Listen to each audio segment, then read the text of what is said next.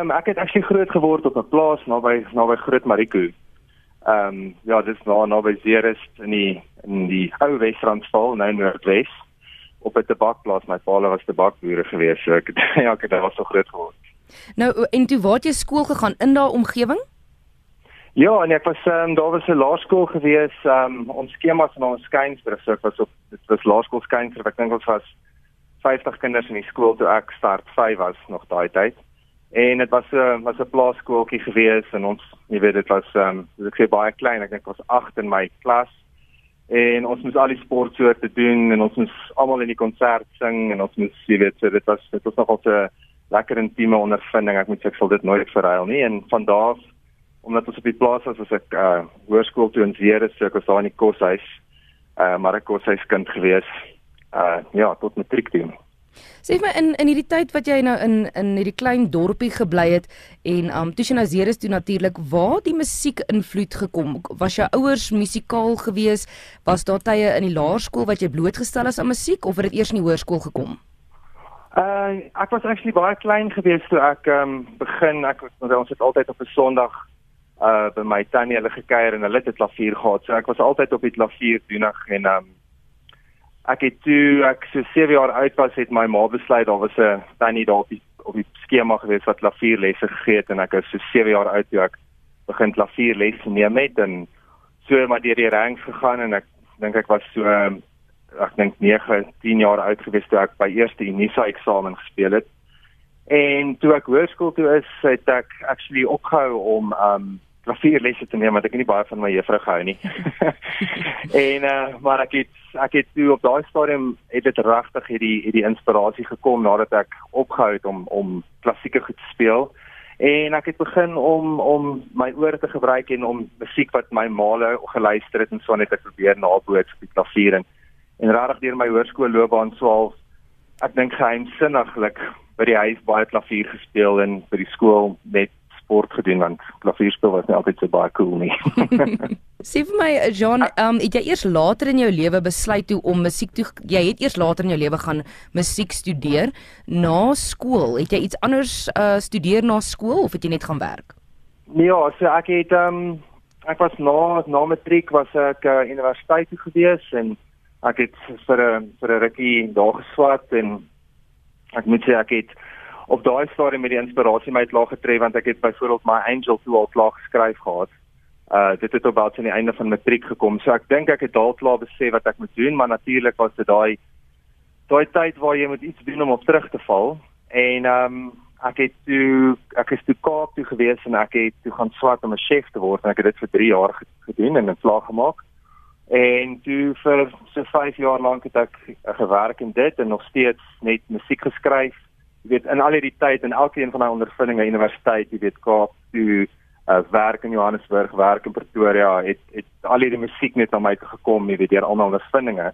En toe ek 30 geword het, dink ek, toe het ek besluit om om heeltemal die skuif te maak en om jy weet om musiek na ernstig op te vat en toe ek by by TUT het ek jazz en popular music gaan swat, eintlik maar net so om te gaan leer of om name by dit te sit wat ek reeds dink ek geweet het.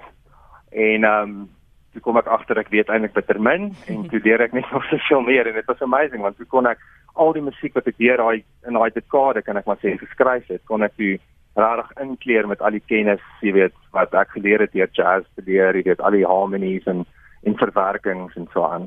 So, so het jy eers te gaan chef wees as swat of wat het jy geswat op universiteit? Ah, op universiteit het ek begin met stad en streeksbeplanning.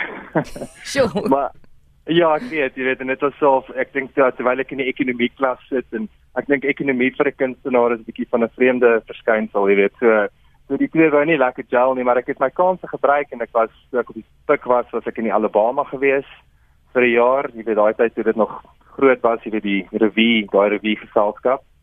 En ek het ook in die koshuis waar ek was wat nogal 'n rugby koshuis was, um want ek is baie lief vir sport, so ek het ek baie te doen gekry met die met die ser, jy weet, in die konsert en al daai knop rugby outjies aan die sing gekry en die eie komposisies gedoen. So ek het eintlik regtig maar jy weet, my musiek agtergrond half gebruik in daai tyd ook. So ek het dit gedoen in Tuisa Kaap om om om die chef ding te doen tot tot so 2005 en toe van daar ek gewerk tot 2011 en toe ek gaan swat. En nou is ek in die musiek. Watter musiek het jy gesing? Want jy het nou eers jou debuutalbum bekend gestel alhoewel jy al musiek skryf van 'n baie jong ouderdom af. Ja, so die eerste band wat ek eintlik um, by mekaar gesit het was toe ek net in Pretoria gekom het um, na ek uh, chef geswat het. En uh ons het my liedjies gedoen. So ons het byvoorbeeld die een liedjie wat Good uh Goodbye Miss Thunderstorm wat ook op hierdie album is, het ons daai tyd, dit was in 2007, het ons dit gedoen en um dan is daar baie van die ander liedjies wat ons gedoen het wat ek geskryf het wat nou nog nie op hierdie album was nie. Dit sal nou op die volgende album kom. So wat ek basies gedoen het is ek het eintlik so baie liedjies in 'n kronologiese volgorde gevat. Ehm um, jy weet dis my angel was eerste en toe het ek die eerste 12 kan ek maar basies sê wat ek geskryf het gevat en dit op hierdie album gesit. So wat dit nou lekker maak is dat ek het so baie ander ander musiek en liedjies wat nou jy weet about ek dink nog 5 albums. Uh wat ek kan regtig pick and choose, jy weet watter een moet waar gaan en ek kan die albums nou by mekaar sit soos wat dit in die jare gaan kom vorentoe. So dit is nogal 'n 'n bevoordeelde posisie dink ek om in te wees. Met al jou grade agter jou naam, maak jy voltyds musiek of het jy ook jou vinger in ander passye? Uh nee, op hierdie stadium is ek nou voltyds in die musiek, maar ek ek uh op ek werk by 'n skool in Pretoria en ek gee klavierlesse en musieklesse. Uh so tussendeur en dan het ek ook al 'n paar projekte gedoen waar um ek vir dokumentêre films, jy weet, musiek maak en en ek het nogal vriende wat in die toerismebedryf is en hulle doen allerlei 'n video's jy weet vir toerisme en vir NGO's en hulle het altyd musiek en klank verwerkings nodig. So ek doen nogal dit ook so tussendeur. Jean Zinaniso by Op die Radio. Dit is jou debuutalbum A Perfect Sight. Die eerste snit, ons het vroeër van gepraat, My Angel het jy op 'n baie jong ouderdom geskryf. Um nou eers op 'n later ouderdom het dit nou die verskyning gemaak, jy het dit opgeneem. Vertel ons eers waaroor gaan hierdie liedjie? Daai tyd toe jy dit nou geskryf het. Ek het wel gehoor jy sê dit is nie 'n liefdesliedjie nie en ek dink dit is seker die eerste aanname wat mense maak. Ek dink dit is die eerste aanname wat wat mense maak daaroor. Ehm um, ek die liedjie gaan maar regtig oor 'n ehm um, jy weet oor 'n engel in jou lewe as jy die Engels kan gebruik, 'n guardian angel. Uh dat jy weet ek dink ons almal het so 'n tipe van 'n ding in ons lewe. Dit ek dink nie saak of jy gelowig is of nie, dit jy jy daai ding wat jy voel wat oor jou kyk, dit is so 'n anker, jy weet, so party mense kan gebruik dit uit 'n geloofsoogpunt, ander uit 'n spirituele oogpunt of wat ook al.